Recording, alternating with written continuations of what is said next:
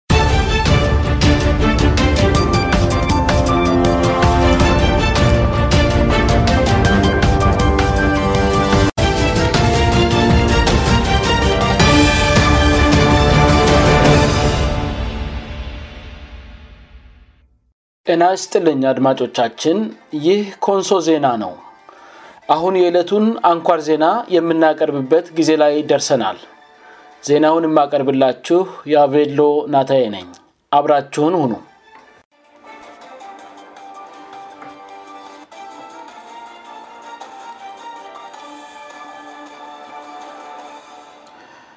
ርዕሰ ዜናውን በማስቀደም የለተሰኞ የሚያዚ 18 2013 ዓም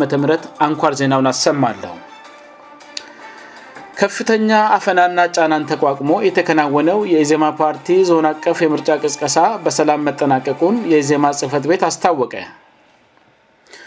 በዛሬ ሁለት በኮንሶ ዞን ዋና ከተማ ካራትስታዲም የተከናወነውና የኢዜማ ፓርቲ ተቀዳሚ መሪ ፕሮፌሰር ብርሃኑ ነጋ የተገኙበት ዞን አቀፍ የምርጫ ቅስቀሳ ዘመቻ በዞኑ መንግስትና በደቡብ ክልል ልዩ ኃይል ሲደረግበት የነበረውን ጫና ተቋቁሞ በሰላም መጠናቀቁን የዞኑ የኢዜማ ጽፈት ቤት ለኮንሶ ዜና በላከው መግለጫ አስታወቀ ከትላንት ወዲያ ጀምሮ አካባቢው ላይ የጸጥታ ችግር እንዳለ ለማስመሰል የከተማውን ህዝብ በማሸበር ና በየመዝናኛ ቤቱ ከእለታዊ ስራቸው በማረፍ ላይ ያሉ ሰዎችን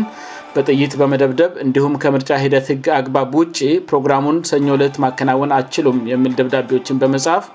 ከአመራር እስከ ደቡብ ልዩ ኃይል በመናበብ በመንግስትና በብልጽግና ፓርቲ አመራር በኩል ሳቦታጅና መሰናክል ለመፍጠር ከፍተኛ ጥረት ሲደረግ ነበር ያለው መግለጫው በትላንትና ዕለት የስብሰባው የክብር እንግዳ የነበሩ ፕሮፌሰሩ ወደ ካራት ከገቡ በኋላ ፕሮግራሙን ለማሰናከል ጥረቱ በዞኑ ዋና አስተዳዳሪ በኩል መቀጠሉን መግለጫው አክለዋል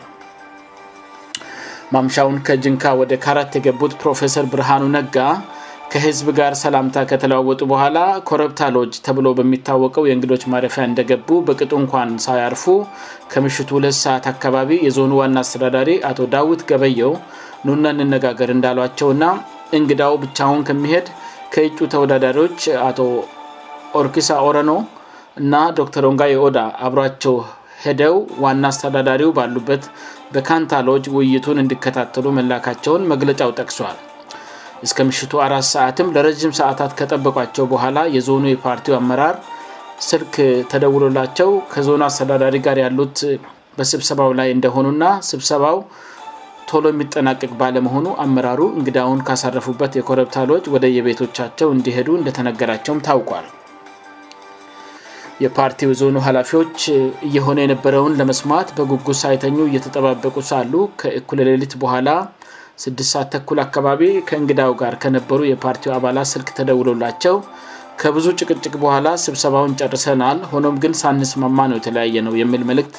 ደርሷቸዋል ይህን ያህል ለልቱን ሙሉ የሚያጨቃጭቃቸው ጉዳይ በዞኑ ዋና አስተዳዳሪ እና አብሮት በነበረው የብልጽግና ፓርቲ ሀላፊ በኩል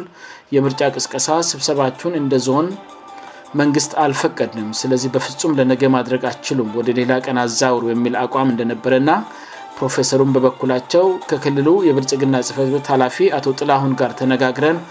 አድርጉ ብሎናል እንዳሏቸውና ሀሳባቸውን እንዳጋሯቸው ታውቋል ሆኖም ግን አቶ ዳዊት ገበየ እሱ ልል ይችላል እኔ ግን እንደ ዞን መንግስት አልፈቀድኩም ስለዚህ ነገ ማድረግ አችሉም ብለው በአቋማቸው እንደጸኑ ጨምረውም ፕሮፌሰር ብርሃኑን እናንተ የማታቁት ነገር አለ ይህ ዞን አቀፍ ዘመቻ ከሆነ በኋላ በየገጠር ያሉ አመራሮቻችን ላይ እርምጃ ይወሰድባቸዋል የተደራጀ ሀይል አለ ስለዚህ ዜማ ቅስቀሳ ካደረገ በኋላ በየቀበለው የእኛ ሰዎች ይደበደባሉ ይፈነከታሉ ስለዚህ ማድረግ የለባችሁም ብለው መናገራቸው ተገልጿል ፕሮፌሰሩም የተደራጀ ሀይል እንዳለ ካወቃችሁ እንደ መንግስት ሀላፍነት ወስዳችሁ አስፈላጊውን ህጋዊ እርምጃ ውሰዱ እንጂ ስብሰባ ካደረጋችሁ በኋላ እንደዚህና እንደዚያ ይሆናል ብላችሁ መተንበይ ተገብነት የለውም ስለዚህ እኛ አባላቶቻችንን እንመክራለን አባላቶቻችንን በመምከድ በኩል እኛ ሀላፍነት ከወሰድን በጸጥታ በኩል ችግር አለ ካላችሁ እናንተ ደግሞ በሱ በኩል ላለው ሃላፍነት መውሰድ መቻል አለባችሁ ብለው ቢያስረዷቸውም የዞኑ አመራር አቋማቸውን ለመለወጥ ፈቃደኛ አለመሆናቸው ታውቀዋል በዚህ ውጥረት በበዛበት ውይይት ወቅት የቀድሞ የዞኑ አስተዳዳሪ የነበሩ አቶ ኩታየኩስያ አቶ ሀልገዮ ጅሎእና የብልጽግና ፓርቲ የህዝብ ተወካዮች ምክር ቤት እጩ አቶ ሰለሞን ሶካም በስፍራው መገኘታቸውን እና በዞኑ መንግስትና በብልጽግና ፓርቲ አመራር እንግዳው እንዳያርፉ መደረጋቸውን እና መጉላላታቸውን መመልከታቸው ታውቋል በዚህ ሁነታ የቀስቀሳ ስብሰባውን በተመለከተ ስምምነት ላይ ሳይደረስ ኩለሌልት በማለፉ ውይይቱ መቋጨቱም ታውቋል ፕሮፌሰሩም ስለዩቸው እንግዲነሰራዊትም ጉልበትም የለኝም ማድረግ የሚችለው ወደ ላይ ላሉ የመንግስት አካላት ሪፖርት ማድረግ ብቻ ነው ማለታቸው ተገልጿል ዛሬ ጠዋት በመላው ከአራት ከተማ አካባቢዎች የልዩ ኃይል ሰራዊት የአድማ ብተና ትጥቅ ታጥቀው ከታችኛው የከተማው ክፍል እስከ ዶካቱ መሰማራታቸውን ከዚያም አልፎ በቅርብ ርቀት በሚገኙ እንደ ጎጫ ና አርፋይድ ባሉ የገጠር ከተሞችም በተመሳሳይ የአድማብተና ዱላ ና የጭስ ቦምብ የታጠቁ ሰራዊቶች መሰማራታቸው ከስፍራዊ የወጡ መረጃዎች አመልክተዋል በየቦታው የተሰማራው የጸጥታ ሀይልም ስብሰባው ተሰርዘል ስለዚህ ወደ መጣችበት ተመለሱ እያሉ ከየአቅጣጫው ወደ ከተማ የሚጎድፈውን ህዝብ ለመመለስ ከፍተኛ ጥረት ማድረጋቸው ታውቋል ይህ በ እንዲህ እንዳለ ፕሮፌሰር ብርሃኑ ነጋ ለደቡብ ክልል ዋና አስተዳዳሪ አቶ ርስቱ ርዳው ደውለው ሁነታውን እንዳስረዱና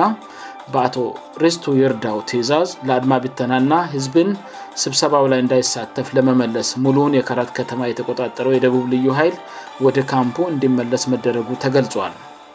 ከዚያ በኋላም ዜማዎች አሁን ጉዳያችን መፈጸም ትችላላችሁ ተብለው ህዝብ ወደ ስታዲየም መግባስ ሲጀምር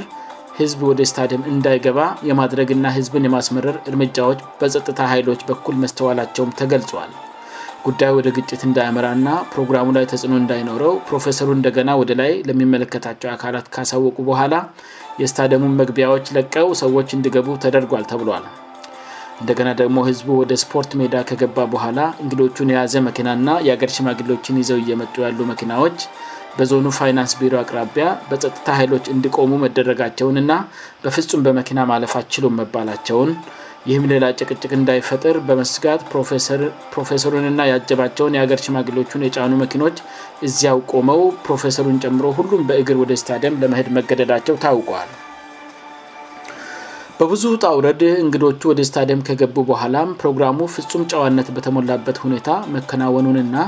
ልጥል የነበረውም ዝናብ ቆሞ ሁሉም የታሰበው ፕሮግራም በተሳካ ሁኔታ መከናወኑን ከዞኑ የዜማ ጽህፈት ቤት የወጣው መረጃ አመልክተል በስብሰባው ላይ ፕሮፌሰሩ አጭር ንግግር ማድረጋቸውንና በንግግራቸውም ሰላም ለህዝብ አስፈላጊ እንደሆነ ያለ ሰላም ምንም ነገር ማድረግ እንደማይቻል ህዝቡን መቅጣት የሚፈልገው አካልም ካለ በካርድ ብቻ መቅጣት እንደሚችል ለህዝቡ ባስተላለፉት መልክት ገልጸዋል አክለውም ከአንድ ወ ተኩል በኋላ ነፃነታችንን እናውጫለን ልማታችንንም ከህዝባችን ጋር በመሆን እንሰራለን ማለታቸው ታውቋል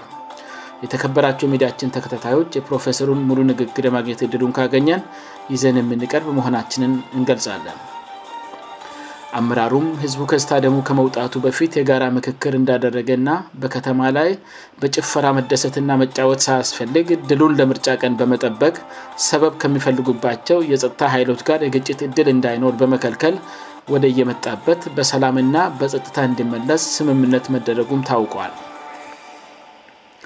ህዝቡ ወቅቱ የዝናብ ወቅት መሆኑና በመንግስት አመራርና የልዩ ኃይል ሰራዊት የሚደረግበትን አፈናና ጫና ተቋቁሞ በአ0 ሺዎች ወደ ስብሰባው እንደጎረፈም ከስፍራው ከደረሱ መረጃዎች ለማወቅ ተችለል በምርጫ ቅስቀሳው ስብሰባ ላይ በኪሎሜትሮች የሚቆጠር ረዥም ቁመት ያለው የኢትዮጵያ ሰንደቅ ዓላማና በሴራ ፖለቲካ ያለ ወንጀል የታሰረው የኮንሶ ህዝብ የነፃነት ታጋይ አቶ ገመቹ ገንፈ ይፈታ የሚሉ መፈክሮችም በስብሰባው መካከል ለመመልከት ተችሏል ይህ ኮንሶ ዜና ነው አድማጮቻችን የዕለቱ አንኳር ዜናችን ይህን ይመስል ነበር ስላዳመጣችሁን እናመሰግናለን ደህና ቆዩን